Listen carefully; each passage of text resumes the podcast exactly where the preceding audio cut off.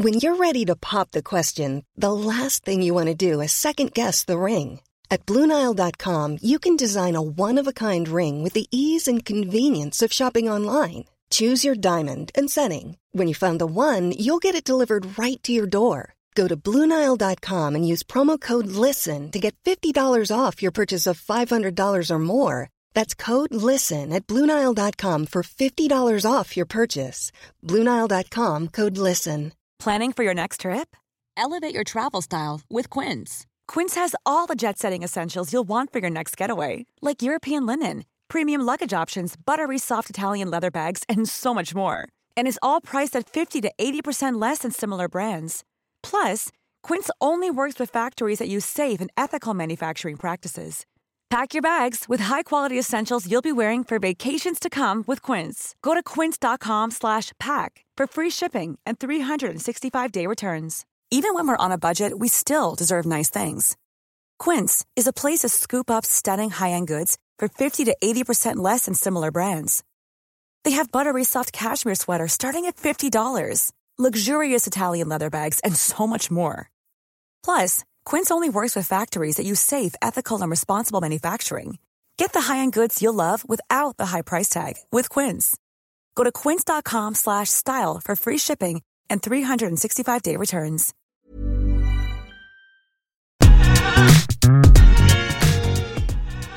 Välkommen till Top of Mind Podcast med mig Ofelia Wistedt. Samtal om marknadsföring, branding och hur du lyckas med din marknadsföring på TikTok som företag och kreatör.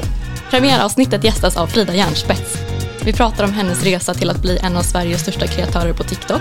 Hur ser egentligen ett behind the scenes och stora profiler? Hur lyckas man göra content av vad som helst och hennes bästa tips till up and coming företag och kreatörer på TikTok. Frida Järnspets, välkommen ja. till Top of Mind Podcast. Tack så mycket. Så kul att ha dig här. Ja, men jättekul att vara här. Hur är läget idag? Ja, men det är bra. Jag känner mig på strålande humör. Jag har haft en jättebra vecka i ryggen och ja, men kul att vara här. Så himla kul. Och jag, när jag tänker på svenska TikTok då tänker jag ju verkligen på dig. För när jag var inne på TikTok kanske första gången 2021, jag var ju lite sen på bollen och ja. började 2021. Ja. Och jag fick upp dig på For You hela tiden. Oh. Så när du började följa mig för kanske ja, men, ett halvår sedan, då var jag så här, lite full circle moment för mig. det är klart jag vill följa dig. Alltså, jag tycker du är så inspirerande. Liksom, när hela den här, det känns som att det kommer att komma en våg med typ så här, UGC creators och typ oh. marknadsföringskonsulter som började visa mer så här, typ så här jobbar vi bakom kulisserna. Oh. Och jag tyckte det var så intressant eftersom att jag ja, delvis mest hade jobbat ja, som influencer i hela marängen. Liksom, så att, eh, det var kul att se. Ja, och det är många som tycker att det är kul för man får ju se mycket hur kreatörer arbetar. Ja. Men jag sitter ju lite på andra sidan bordet. Att höra ja, men, vinkeln därifrån, de som ja. faktiskt pratar med kreatören och företagens sida. Mm. Så det har varit jättekul att dela med sig av. Ja. Men vi är här för att prata om dig primärt. Så de som inte känner till TikTok, Frida, vem är du? Eh, jag heter Frida Järnspets egentligen. Ja. Det är många som eh, aldrig har hört mitt efternamn. så jag heter TikTok-Frida för de flesta. Mm. Eh, jag är 21 år, fyller 22 i år, född 2001. Och jag har jobbat med TikTok sedan 2020 mer eller mindre. Mm. Eh, mitt första år på TikTok 2020 började ungefär ja, men halvvägs in. Och då gick det ja, men ärligt inte jättebra. Alla ska börja någonstans. ja, men man måste börja någonstans. Och sen 2021, 2022 så har jag liksom verkligen jobbat med det fullt ut och ja, men jag gör lifestyle content eh, blandat med lite annat. Jag har valt liksom inte labla det content jag gör så hårt utan jag kör liksom allt från house till true crime till smink till vloggar till följ med mig på sjukhuset. Alltså liksom ja. verkligen allt. Du är riktig lifestyle-kreatör. Ja men verkligen life. Man får bara hänga med på livet mer än att jag gör content anpassat till TikTok utan mm. jag mer filmar det som händer. Ja, och du, som du nämnde, många vet inte ens vad du heter i efternamn just Nej. för att du, man, man känner ju dig som TikTok-Frida. Ja. Hur kommer det sig att du valde namnet TikTok-Frida när du började? Alltså jag har funderat på det här. Jag tror att det var så här, mitt konto från början, det som är TikTok-Frida nu, det var min och min lilla systers. Så det hette mm. Frida och Ella och där gjorde vi så här TikTok-danser, ni vet den här du, du, du. Ja, som det började. Jason Derulo liksom. Ja. Eh, och sen så ändrade jag namn på det kontot till TikTok-Frida för det var så nytt. Jag tänkte, ja men TikTok-Frida. Mm. Och så blev min lilla syster jättearg för jag tog det där kontot. och sen gick det bra ändå. Det är tur, hon, hon, har ju ändå en liten del på din kanal. Hon är ju med ja, då och då. Det. Ja. Så hon får ju med lite i alla fall. Ja. Men känner du att du vill gå mer mot att heta Frida Järnspets eller tänker du att du kommer hänga kvar vid TikTok-Frida? Alltså, det där tycker jag är lite svårt eftersom att jag märker att jag Alltså TikTok är den plattformen som jag tycker om mest. Jag har mm. testat både Instagram och YouTube. Eh, YouTube har jag nästan lagt helt på hyllan nu för att det kändes inte riktigt som min grej. YouTube-Frida klingar inte lika bra. Men det känns också som att jag, jag, jag kan nog nöja mig med TikTok-Frida ganska mycket. Det räcker för mig att de som behöver veta vet att jag heter Frida Järnspets.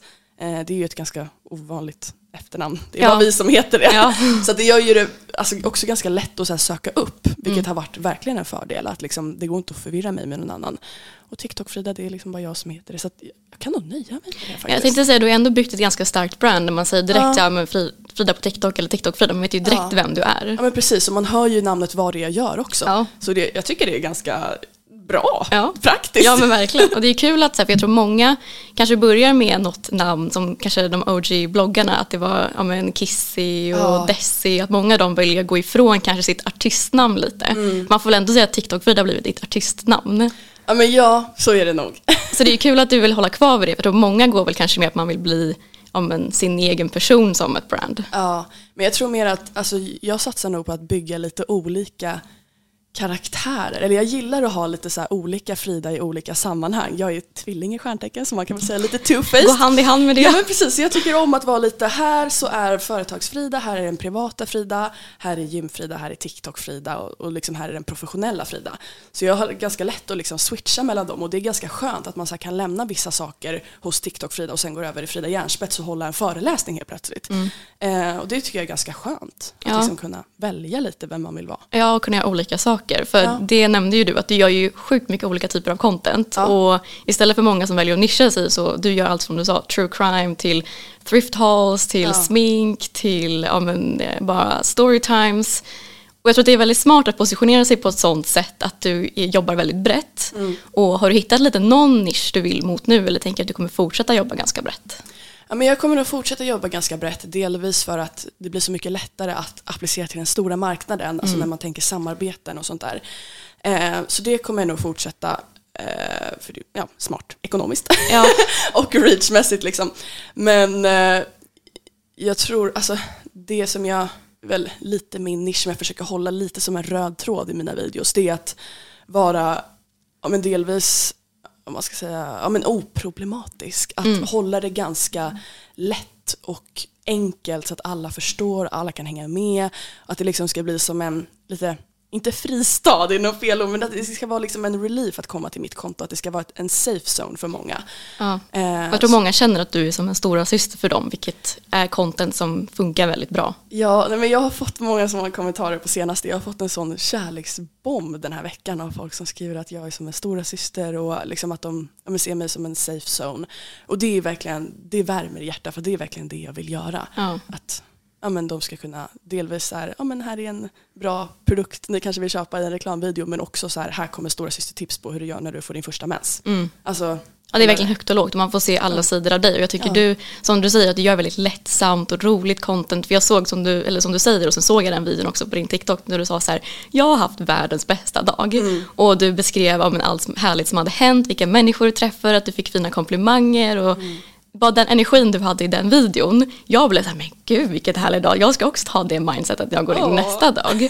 Och jag tänker att man kommer till en kanal där man bara känner så här, det är lättsamt, det är roligt, du pratar på ett väldigt härligt sätt. Mm. Att det drar ju till sig också väldigt mycket positiv energi och att det blir som stora vibes. Ja, men det, det är den, alltså jag tror det handlar mycket om vilken ton man sätter på sin TikTok. Att jag, vill ju, jag är väldigt känslig för hat, så jag försöker, jag att, inte göra, jag försöker att inte göra så mycket provocerande videos när det inte är ämnen som jag känner att det, det här brinner jag verkligen för och kan mycket om. Mm. Eh, och liksom kan försvara mig. Så jag försöker hålla det så lättsamt och det blir ju att om man har en lite, lite hård ton i sina videos då blir man är nästan mer mottaglig för hat eftersom att då har man redan satt tonen. Men om man gör väldigt lättsamt content så är det ganska lång väg för folk att börja tänka men nu ska jag skriva att hon är ful eller att hon är dålig. För mm. att hur kan man hata på någon som bara är glad och delar ja. med sig om sina roliga grejer. Liksom. Ja, ja men verkligen och att man, ja, men man attraherar lite det man sätter ut. Ja, men precis. Eh, och jag tänker lite samma när jag producerar content att man, jag försöker inte kanske säga någonting provocerande utan bara kanske så visa upp vad jag gör, lite, men, kanske försöka bara visa mig som person och förhoppningsvis mm. om man ja, men som du säger, inte har intent att skapa någonting, skapa reaktion. För många skapar ju också content och har byggt sin framgång på att man ja, provocerar väldigt mycket. Vilket eh, känns som att du, jag gillar dig på grund av det, för att du har verkligen skapat en frizon, väldigt lättsamt material och just att det finns så mycket bredd. Mm. För jag tittar ju inte på true crime, men när du lägger true crime-videos så tittar jag ju på dem. Ja. Vad roligt. Men skulle du säga att du har någon typ av video som du känner att den här går alltid riktigt bra som du skulle vilja göra mer av eller vill du köra typ den bredden du har nu fortsatt? Alltså jag tycker det är lite svårt eftersom att det är så oberäkneligt vad som kommer gå bra och inte. Ja. Eh, alltså man vet väl lite att till exempel nu har jag en serie om Madeleine McCann och den här flickan som har hittat på att hon är henne. Liksom. Mm. Och de videorna går ju väldigt bra för att det är liksom nyhetsvärde och eh, folk tycker det är kul historia att liksom följa. Men samtidigt så kan det vara så att man lägger upp en video när man liksom är hur trött som helst, inget smink och bara sitter och äter macka och bara wow, 700 000 visningar. och sen kan det vara en video där man så här har verkligen beställt produkter, satt upp sin kamera, filmat i fyra timmar och bara jaha, då blev det 10 000 visningar på den. Och jag tror många känner så att man kan inte alltid förutspå. Nej. Men att du jobbar ju lite, vi har pratat om att det är väldigt smart att jobba efter contentpelare. Mm. Att du har några ämnen som du brukar prata om och sen kan man switcha upp under de ämnena. Mm. Vilket ofta gör den kreativa processen väldigt mycket enklare. Och som mm. vi har pratat om om man vill bygga ett following. Att om du har fyra kategorier mm. och om du då säger att en video går ut på For You och man hittar till din kanal och ser så här, oj hon skapar material som är konsistent, det är de här kategorierna, det här gillar jag, då är man nog benägen mer att följa en kreatör än att det är ganska spretigt. Ja, och jag tror också att alltså, om man får upp en av mina videos på For You, till exempel den här Madeleine McCann True Crime-historien, och likar den, då leder ju det algoritmen till att man får upp mitt content mer ofta och då kanske man introduceras för nya saker som man kanske inte visste att man ville se. Och så helt plötsligt så har man en ny följare. Liksom. Ja. Och det tycker jag är fantastiskt när man liksom gör så många olika videos att ja, men, man kan introducera folk för nya saker. Verkligen, ja, men som jag sa, jag tittar inte på true crime men du lägger ut true crime då brukar jag titta och tycka ja. ändå det är intressant. Du är ja. bra på att berätta. Tack! Man blir inte lite fängslad. Tack! Men hur skulle det, du säga att din kreativa process ser ut? Är det enklare att skapa material för du vet lite de här typerna av videos vill jag göra eller är du lite mer in the moment? Det här är jag sugen på att lägga ut nu. Jag är nog lite mer in the moment. Jag hade förut en mycket mer kreativ process där jag satte mig ner på måndagar och liksom planerade vilken typ av videos jag skulle göra för hela veckan. Eh, och liksom la upp en, började beställa saker till de videorna i god tid och liksom si och så. Men nu har jag liksom gått mer mot att bara göra det jag känner för och det verkar funka bättre just nu i alla fall. Att jag ja, men har börjat spela in i TikTok-appen istället för att spela in på kameran och sen redigera och lägga på effekter och ditten och datten. Jag tror att det är det här liksom supernaturliga som funkar bäst på TikTok. Att det är lite så här rough klippning, man kanske, inte, man kanske klipper mitt i ett ord och så här, folk gillar typ det, att det känns väldigt naturligt. Jag har märkt att så fort att man liksom lägger ner för mycket tid på en TikTok så det går, det bra. oftast inte bra. Så det är liksom stäng av ringlighten, ha lite dåligt ljus och typ prata lite för fort och slarvigt. Och, alltså så här, det är det, folk vill ju ha någon som de kan känna igen sig i, inte någon som liksom är någonstans där de aldrig känner att de kommer kunna vara. Mm. Och vi pratade med Matilda Strömstedt om det här för vi spelade in med henne igår. Men hennes avsnitt kommer nog släppas efter ditt. Mm. Men hon talade mycket om, om spaningen för framtiden. Att det nog kommer gå mer åt det hållet som du säger. Att det blir mer storytelling, att det blir som en reality show, eh, show följer. Ja, att det ja. inte är det här kurerade materialet, att man går mer ifrån att man bara vill se en person och dens vardag. Mm. Eh, vilket jag tror är väldigt framgångsrikt som du säger, att folk vill se mer av det materialet. Ja. Och hur skulle du säga, för du var ju på plattformen väldigt, väldigt tidigt. Ja. Och många fick ju traction genom det, att man var snabba på plattformen, man gjorde mycket danser och som du sa, jag går mer emot liksom någonting annat nu, att mer lifestyle. Vad skulle du säga är spaningen för framtiden på TikTok? Alltså jag tror nog vi är lite inne på rätt spår med det här personliga. Alltså jag tror verkligen att det är det folk vill se. Alltså jag la ut en video för några dagar sedan där jag sa att det är ingen som vill se en musikvideo längre. Och det kanske var lite hårt, folk vill väl se liksom snygga personer som dansar. Men jag tror mer att det här personliga, alltså, och det blir att man delar med sig av mer och mer. Alltså folk delar med sig av liksom allt möjligt och får hur många visningar som helst. Och jag tror att det är det. Samtidigt så blir det en krock med så här, hur mycket ska man dela med sig av? Verkligen. Eh, och det, det är en svår balansgång. Men jag har sett som en liten trend där att så här, de som oftast delar med sig av så mycket, det är folk som inte hade en intention att videon skulle gå viral. Nej. Liksom, den har tre miljoner visningar där de pratar om min första besök hos gynekologen eller get ready with me to break up with my boyfriend. Och så har de liksom typ tusen följare. Ja. Eh, det är blir en jättestor liksom, video. Ja men precis, det är inte de som har tio miljoner följare som lägger ut sådana videos. Så jag tror att vi kommer gå mer emot att så här, man får verkligen följa med inuti livet ja. eh, på de influencers man följer. Och jag tycker du är väldigt personlig på din TikTok. Ja, det är Men för det här vi pratar om ganska mycket också. Typ jag lägger ju bara ut jobb. Man vet ju inte så mycket om mig kanske utöver vad jag gör i jobbsammanhang. Och jag har ju valt lite den taken på min TikTok. Mm. Men att många är väldigt personliga. Man kanske inte är så privat. Mm. Känner du någon stress då när vi går mer mot det? Att det blir mycket mer om storytelling, lite mer reality. Att man ska dela med sig väldigt mycket. Blir det någon stress för dig? Så här, Gud, jag kanske måste dela med mig mer än vad jag gör idag. Eller har du satt någon gräns för det här vill jag inte dela med mig av? Alltså jag har ju vissa saker som jag inte delar med mig av bara. Eh, utav liksom typ respekt till min familj och till mina vänner och sådär. Men jag tror att min gräns mellan personlig och privat är men i mitt huvud ganska tydlig. Alltså jag känner liksom vad, vad som går att dela med sig av och inte och kan lite förutse liksom hur det kommer landa. Vissa saker är ju för privata för att folk ska liksom ens få ha en åsikt i det och då delar jag bara inte med mig av det. Men gränsen är ja, men svår för många tror jag. Eh, men jag känner nog ingen stress över att jag liksom ska råka dela med mig av för mycket eller behöver dela med mig av mer. För jag tror att jag är ganska bra på att skapa content av ingenting. Liksom. Eh, bara en så här liten händelse kan jag göra till en tre minuter lång video som liksom får bra visningar. Eh, så att jag, nej, jag känner ingen stress av att liksom dela med mig av mer. Och jag tycker du är väldigt bra på att vara personlig när det gäller att vara kreatör. För du har ju bland annat gjort en annan TikTok där du har ett marknadsföringstips. Den ja. fortsätter du inte, eller jag gör inte den längre. Nej, jag blev avstängd. Nej, blev jag, tror att folk trodde att det var en fake-profil. Nej, men gud. Um, så det, det var lite synd, för det var ju verkligen någonting som jag ville göra. Alltså så här, hjälpa unga tjejer att så här, för jag får så mycket frågor. Hur jobbar man med TikTok och hur gör man, liksom, vad är resan? Mm. Uh, men det ville inte TikTok ha. Nej, men gud.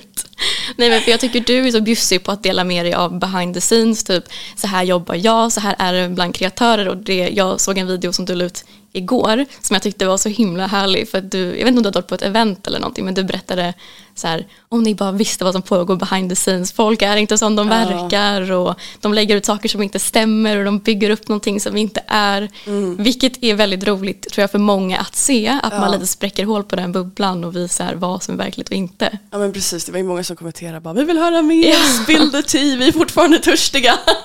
men jag började tänka, har du någon, så här, någon sak du har sett som var det här är det sjukaste, jag har sett någon som har sagt någonting eller någonting som är som du bara, det här stämmer inte alls. Alltså jag tror ingen sån specifik händelse som jag nämnde i videon, att jag, jag har ingen sån här specifik, utan det är bara liksom helheten, att man ser saker som är så här, jag tycker ändå att det är viktigt att vara liksom autentisk och på riktigt och ändå typ spegla en liten bild av hur man är i verkligheten på TikTok eller på andra medier också som influencer. Det tycker jag nästan man alltså är lite typ ett ansvar nästan. Att det är lite så här, ja men det här är typ jag på riktigt liksom.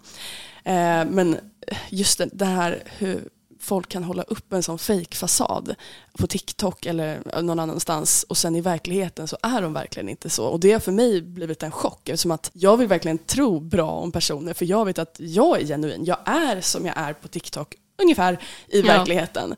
Eh, så att jag blir mest chockad och typ, jag är lite känslig så jag blir liksom lite störd av att folk ja. är så här, men gud du var verkligen inte lika snäll. Ja men och jag tror att många gillar dig för att du ger den här känslan som när jag sitter och pratar med dig nu eller som när jag kollar med den här videon, att du mm. känns som ja, men en helt vanlig person medan många profiler kan kännas väldigt så här, svåra att nå eller väldigt långt bort för de är väldigt coola. Ja. Du är väldigt cool men man känner sig ändå ganska nära dig för du berättar på ett sätt så här, herregud om ni bara visste, typ jag måste berätta det här för jag är lite på ett skvallrigt sätt. Mm. Som att man hänger hänger med en kompis. Ja, men det där är så kul att höra. Tack att du sa så. För att, alltså, jag, det här låter ju lite pick mig, men jag känner mig inte riktigt som en influencer. Nej. Utan jag känner mig som en verkligen privat person som bara har massa följare. Alltså jag känner inte att jag har hela den här grejen runt mig som jag tror att andra liksom, influencers har. Att så här, jag vet vad du menar med att man träffar någon, de har liksom en aura runt sig, att typ så här, jag är känd. Liksom. Ja. Men jag känner mig verkligen som en helt vanlig liksom en lurk. Alltså, jag, jag har aldrig liksom känt mig så här, jag har fått frågan någon gång, liksom, hur känns det att vara känd? Och jag bara, men gud!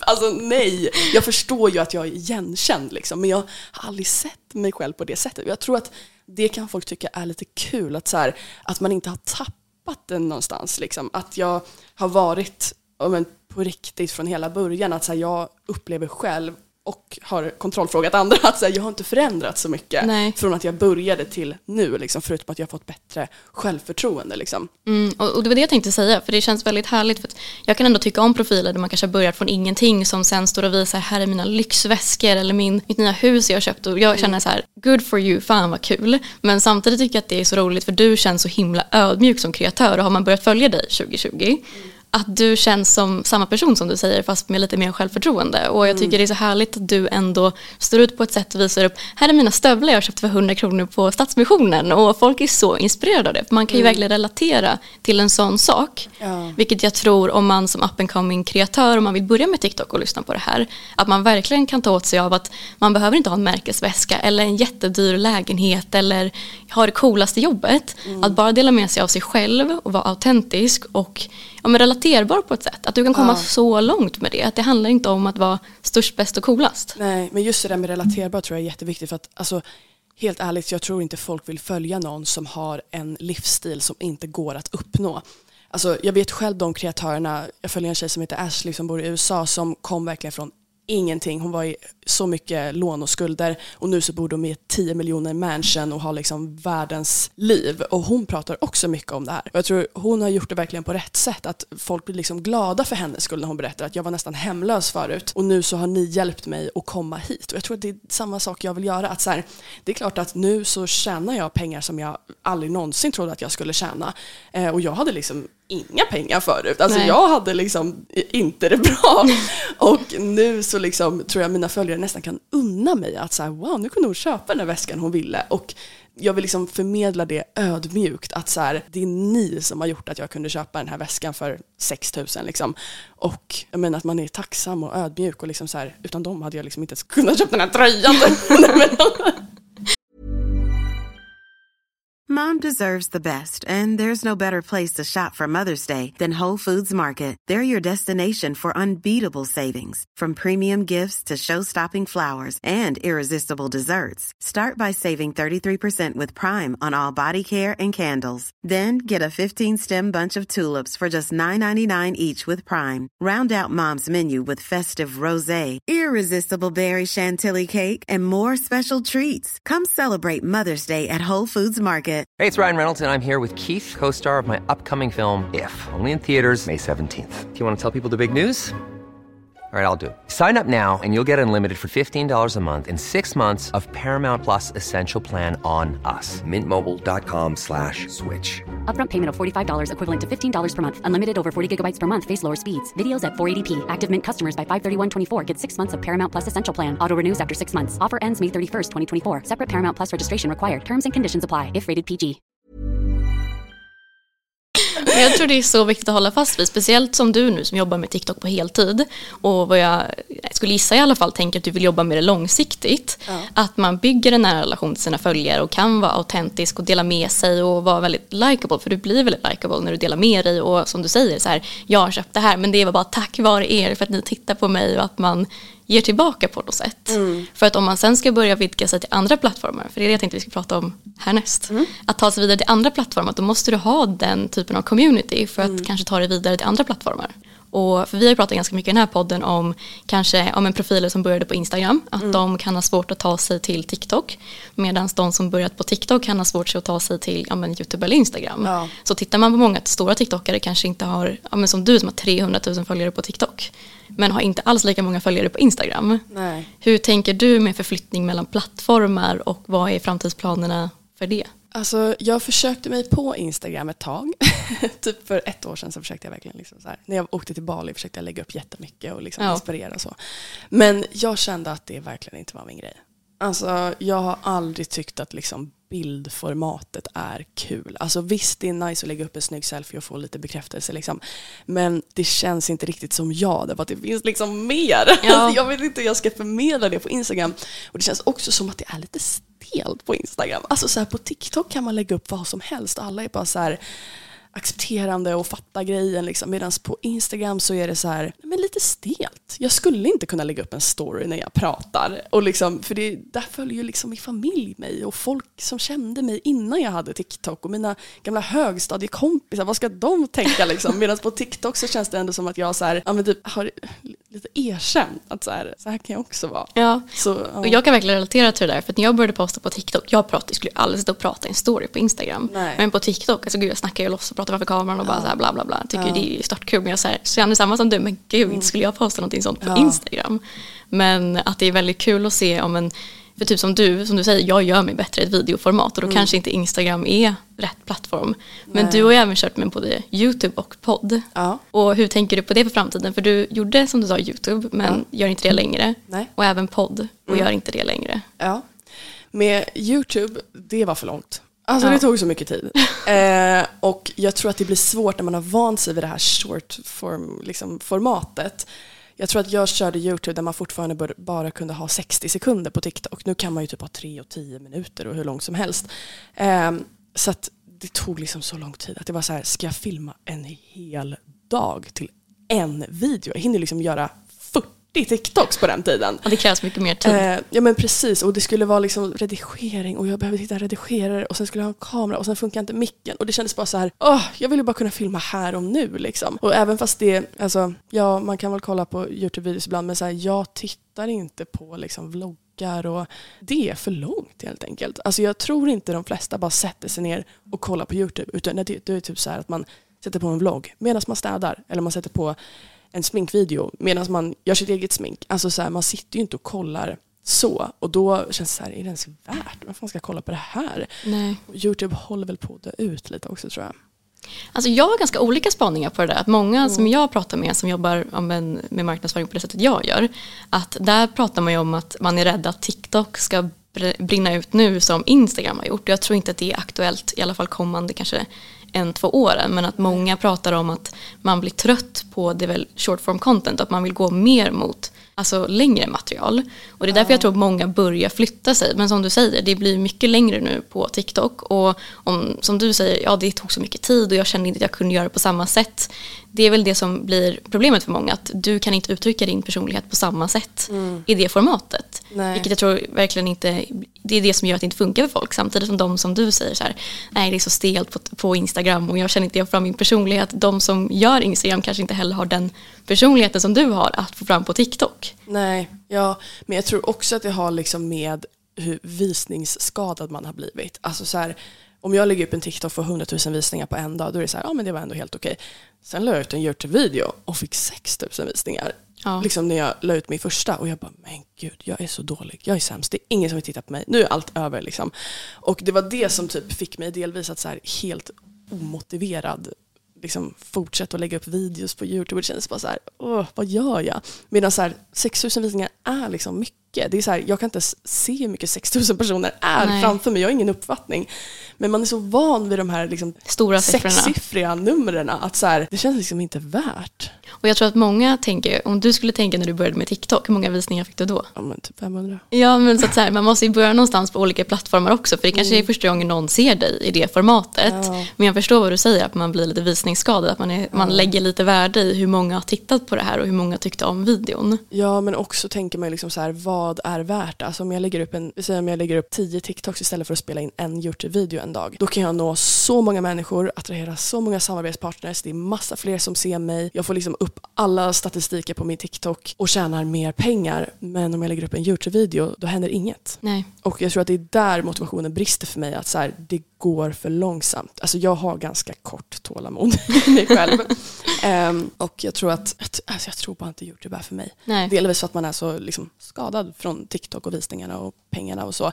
Men också att så här, jag, jag, jag gör mig inte bra i långformat. Så är det ibland. Ja. Vad skulle du säga är en bra video visningsmässigt på din TikTok-kanal och vad är, känner du så här, det här, katastrof? Ja, men över 100 000 så är jag nöjd. Det är typ mitt mål att snitta på varje video. Men nu så har jag gått lite mer emot att så här, alla visningar är okej. Okay. det går inte att liksom så här, man kan inte ta bort videos för att de får lite visningar. Liksom. Nej. Det, alltså, jag hade ett krav förut, alltså, om det inte får över 100 000 visningar så tar jag bort den. För då är det så här, oh my god, Ja, pinsamt, typ. Eh, så 100 000 visningar och 10 000 likes, det är mitt goal. Liksom. Det känns bra. Och om man ska säga dåliga visningar, ja men typ under 60 000, då tycker jag att det känns Här blev inget bra. men det är ju fortfarande mycket, det är det som är så Ja. sjukt. Men det känns som att så här, ah, man är bara visningsskadad. Att så här, ett tag så fick man ju så himla mycket visningar men nu har tydligen, har jag hört, algoritmen ändrats. Och det är många som har liksom med att så här, visningarna är lite ojämna och sådär. Jag tror man får lära sig att acceptera det. Jag hade jättesvårt för det förut. Eh, men nu är det bara så här, vissa videos går bra, vissa går inte bra. Det är bara att fortsätta spotta ut content. Jag tror någonting man ska is i magen med, för jag var lite samma när jag började lägga ut och bara, gud den här fick inte så mycket visningar, så tog jag bort den. Men sen fick jag en video som kanske fick så här 20 000 visningar på en dag och jag var så här, ja men det var jag ändå nöjd med. Och sen gick den från 20 000 till 250 000 två dagar senare. Så att så här, bara för att man lägger ut en video som man känner så här, det här, det här blev inte så bra. Att den kan snabbt springa iväg till väldigt mycket visningar. Och det är den videon jag har med mest visningar. Som är på typ 270 000 eller någonting, vilket är sjukt mycket för mig. Men att man ska nog inte heller överanalysera det så att så här, oh shit, det har gått en dag, jag fick inte massa visningar. Utan att det kan också komma i efterhand. Och att man måste ha lite bank på sin kanal. Att visa bredd. För samtidigt om du känner så här, okej den här videon fick inte jättemycket views. Men det är en video som du känner representerar dig och din kanal. Att det är jättebra att ha den där. Och den typen av material kanske inte behöver hamna på For You och få en miljon visningar. Utan den kanske kan fylla ett greater purpose när nya hittar till dig. Och blir, ser mer av dig om du känner det här representerar verkligen mig som kreatör. Mm, verkligen, och visningarna ligger ju liksom och tuggar hela tiden. Alltså så här, jag kommer ihåg det var någon video som jag la ut som jag bara, men jag har kvar den här fast den fick så dåliga visningar. Och sen nu ett år senare så bara, wow, 500 000 visningar. Då har den liksom legat och Tickat. lyst där i bakgrunden och liksom bara tackat upp de här visningarna och bidragit till en bra statistik. Liksom. Ja. Nej men sånt är bara att tacka och bocka för. Och, men jag vill ändå prata lite om din podd när vi, går, när vi ändå pratat om andra plattformar du har varit på. Ja. För att du, vi pratade om att vara privat och personlig och jag tycker du har varit så sjukt privat i den podden om man jämför med din TikTok. Alltså när jag gjorde lite research, för jag har ändå så här, bra koll på dig, men jag sökte ju runt mer så här, har du varit med i någon podd? Och då såg jag att du hade ju en egen podd som du publicerade några avsnitt av. Ja. Och det var väl, för den som inte har lyssnat på det, någon inspiration av Call Her Daddy. Ni var väldigt privata och berättade om datingliv. Och jag är så nyfiken, och vi kan bipa det här om inte du vill säga. Men vem är den kända skådespelaren du har dejtat? Nej men gud. Alltså jag har varit så nyfiken på det här, om ni bara visste Ja. nu och vi bipar det så behöver vi inte vi outa hela det, var, här. det var liksom inte heller, alltså vi, vi kanske överdrev lite i podden liksom, men det var ju ehm, Det lät som en otrolig dejt. Ja men det var en otrolig dejt, men det var inte så många dejter. Utan det var väldigt kortlevat men det var superkul. det var allt. Och jag tyckte det var en så rolig take på dig. Och så privat som du var i den podden är ju, skulle jag inte säga på din TikTok, utan där får man ju se en väldigt annorlunda sida av dig. Ja. Skulle du tänka att du skulle vilja ta den Frida i poddformat till TikTok eller känner du att nej, den typen av privat vill jag inte ha på TikTok? Alltså, jag har nog inte reflekterat över det där. Jag tycker nog att jag var lika privat där som jag var på TikTok just då. För det, det är mycket, vi pratade mycket om dating. det var liksom en ny dejt varje avsnitt. så jag dejtade så mycket under den tiden. Jag tror det var väl typ 2021 Ja. ungefär, våren där. Um, och jag tror att jag pratade ganska mycket om det på min TikTok också. Att så här, get ready with me för dejter, så här gick det. Jag delade med mig om massa så här extremt dåliga dejthistorier. Ehm, men jag vet inte, i podden, jag tror att det lätt blir att det spårar ur lite eftersom att man bara sitter så här. Och vi Ja. satt liksom i ett mörkt, dämpat rum i så här sammetsgardin. Och då tänkte jag det här kommer ingen lyssna på. Nej, men precis, då blir det lätt att det, är så här, det flyger ut saker. Men jag har fått lite panik av det och lyssnat igenom de där avsnitten i efterhand nu ett år senare och känner att ja, men det var ändå saker som jag kan stå för. Alltså så här, min, mina föräldrar och min mormor lyssnade på den podden och eh, de tyckte ändå det var lite så här roligt. Ja. Det var inte för mycket liksom. Ja, men du, samma som på TikTok, du berättar med väldigt mycket inlevelse. Ja. När du tog oss igenom den här dejten på Söder, man kände som att man var där med dig. Det var därför jag var såhär, gud jag måste fråga vem det var, jag blev så jäkla nyfiken. Ja. Men det lät otroligt. Men jag tänkte även att vi skulle prata lite om, om en samarbeten. Ja. För du har ju samarbetat bland annat med Samsung, TV4 och Risifrutti, alltså ganska stora alltså, företag och det är väl för ja. att du också är en av de största på TikTok. Mm. Men känner du att det finns något företag som du aldrig skulle vilja samarbeta med? Nej men alltså så här, spelbolag, nikotin, alltså snus och sånt där, obviously e-cigaretter och sånt där. Det är liksom no-go. Men alltså sen har jag lite så här egen standard som jag bara är så här, ja men det här skulle inte kännas fräscht. Typ så här, Qatar Airways såg jag att det var någon som gjorde mm. reklam för. Så här, ja, Qatar ja, jag kan inte riktigt stå för det. det jag vill inte åka dit ens. Liksom.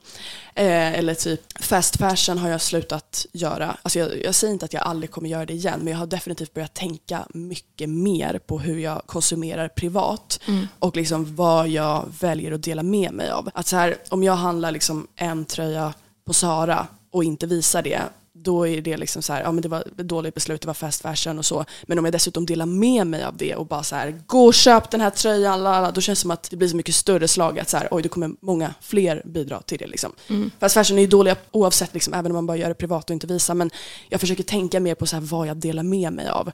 Att det kanske inte är så bra att säga liksom så här, oh, men spring och köp de här tio topparna, de är skitsnygga, utan mer visa så här, det här unika plagget köpte jag på second hand. Eh, så jag har definitivt börjat tänka mer på vad jag gör och vara en medveten konsument tänkte jag säga, men medveten influencer. Ja men både konsument och eh, influencer ja. Eh, så jag har satt liksom en högre standard på men, vilka samarbeten jag gör eftersom att, alltså jag tycker inte jag har gjort något så jättedåligt tidigare men nu har jag börjat tänka extra mycket. Liksom. Mm.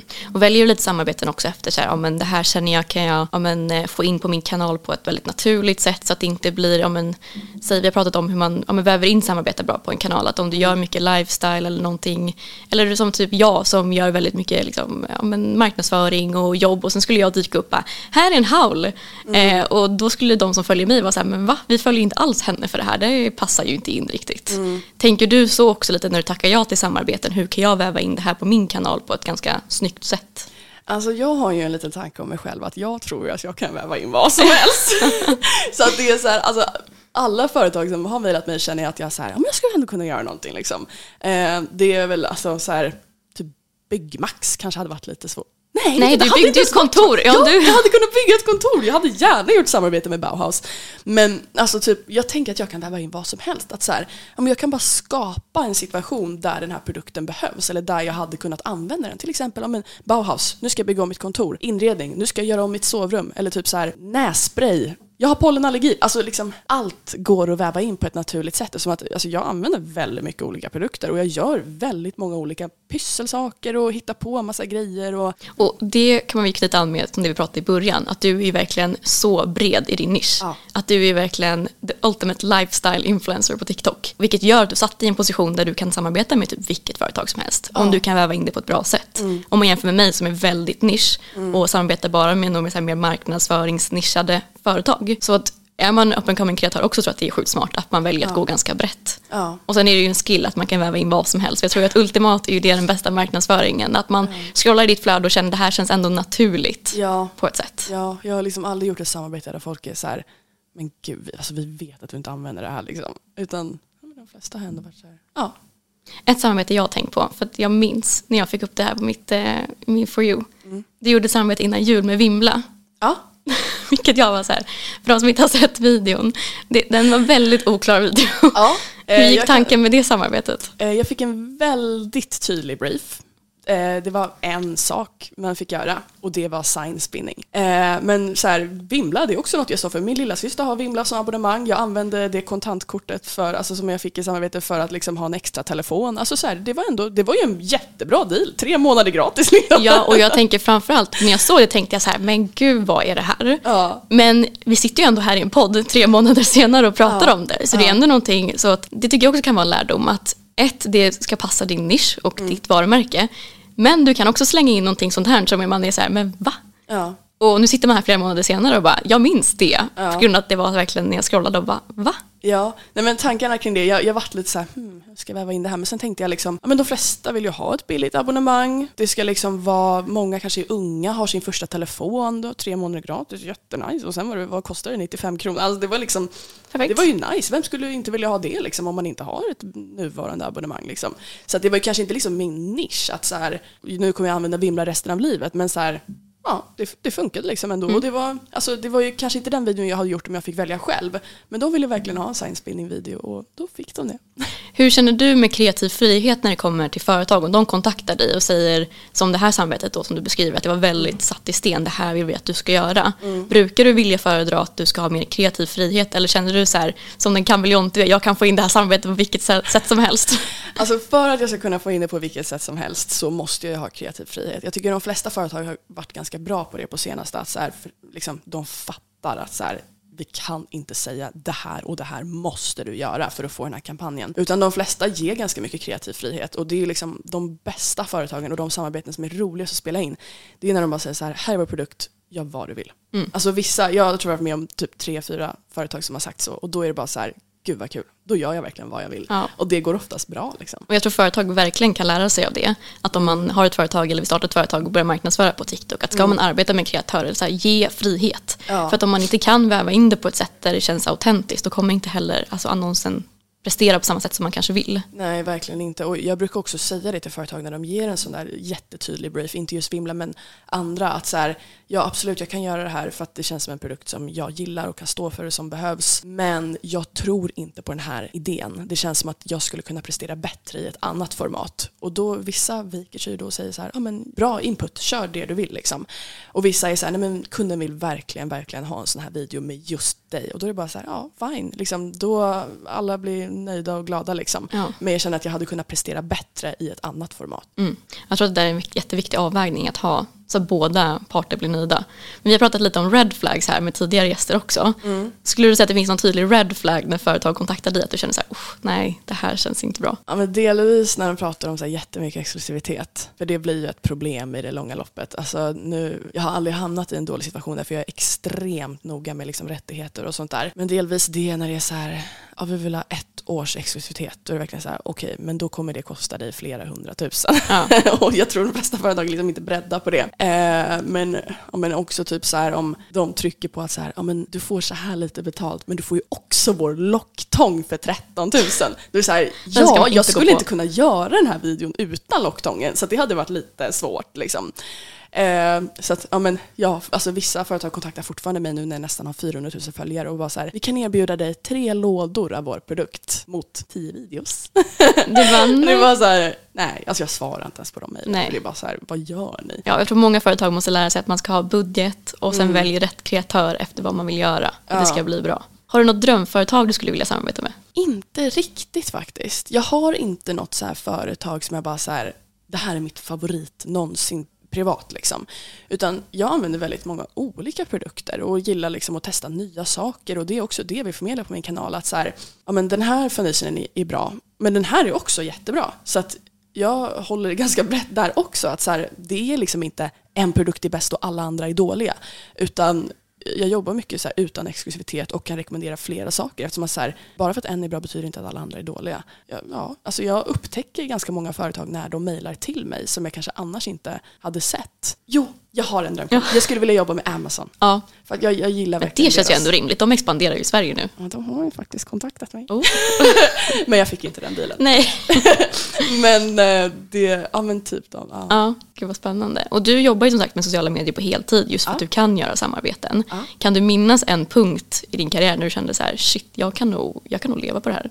Ja, Alltså 2020 när jag började jobba med det här på våren, så sa, eller på hösten, så sa jag att jag ger det här två år. Det Om det länge. inte funkar, ja jag vet inte varför jag sa så länge, men mina föräldrar var så här, go for it girl, två år, nu kör vi liksom. Och då var jag typ 19, så det var ändå så här, om jag är 21 och det inte har funkat, då kan jag börja om liksom.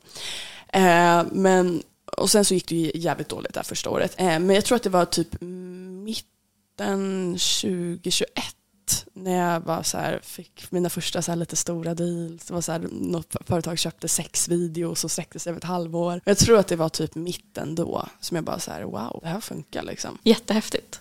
Och vilken video skulle du säga är din största succé? Någon som kom eh, to mind?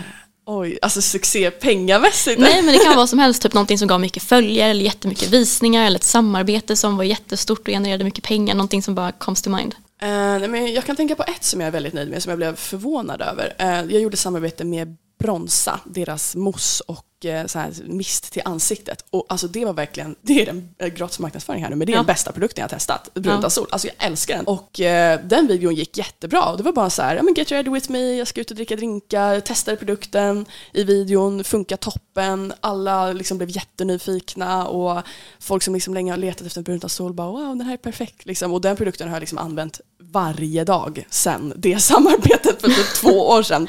Så det känns verkligen så genuint och så liksom, det var bra betalt och ja, men, bra liksom. Det är ju den bästa typen av samarbete. Ja, och de var nöjda och liksom, ja. Ja, det är så bra. Och Jag tror många kan inspireras av det också. Mm. Att man verkligen skapar ett samarbete och är autentisk på det sättet. Och det är det som går hem bäst. Mm. Och att man väver in produkten på ett sätt där det känns naturligt som du sa nu. Ja, jag skulle bara göra mig i ordning och produkten kunde verkligen ja, men få, in, få in i videon på ett naturligt sätt. Och det är det som presterar. Mm. Och avslutningsvis, vad skulle du säga är ditt bästa tips till up and coming kreatörer som vill starta sin resa på TikTok? Eh, var personlig, dela med dig av så mycket du känner dig bekväm av eh, och smattra ut videos. Alltså lägga upp mycket. Ja men typ småtips, här, ha bra ljus, bra ljud. Eh, håll kameran still så man inte blir helt illamående när man kollar på videosarna, för det gör vissa. Men bara var dig själv, var glad om du känner dig glad, var ledsen om du känner dig ledsen. Ta in dina följare som dina vänner. Så bra tips. Tack. Frida Järnspets, tack för att du var med i Top of Mind Podcast. Tack för att jag fick vara med.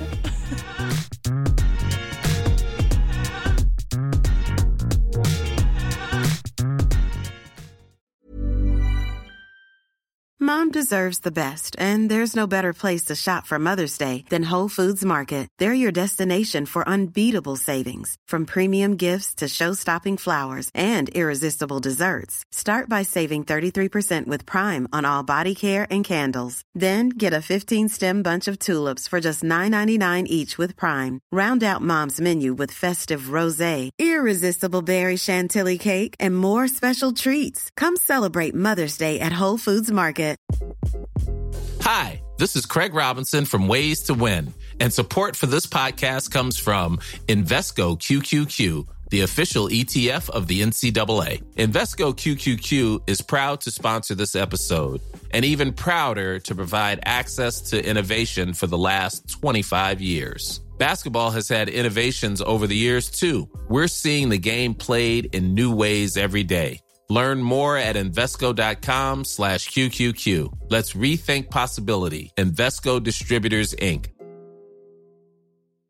Imagine the softest sheets you've ever felt. Now imagine them getting even softer over time. That's what you'll feel with Bowl and Branch's organic cotton sheets. In a recent customer survey, 96% replied that Bowl and Branch sheets get softer with every wash. Start getting your best night's sleep in these sheets that get softer and softer for years to come. Try their sheets with a 30-night guarantee. Plus, get 15% off your first order at bowlandbranch.com. Code BUTTERY. Exclusions apply. See site for details.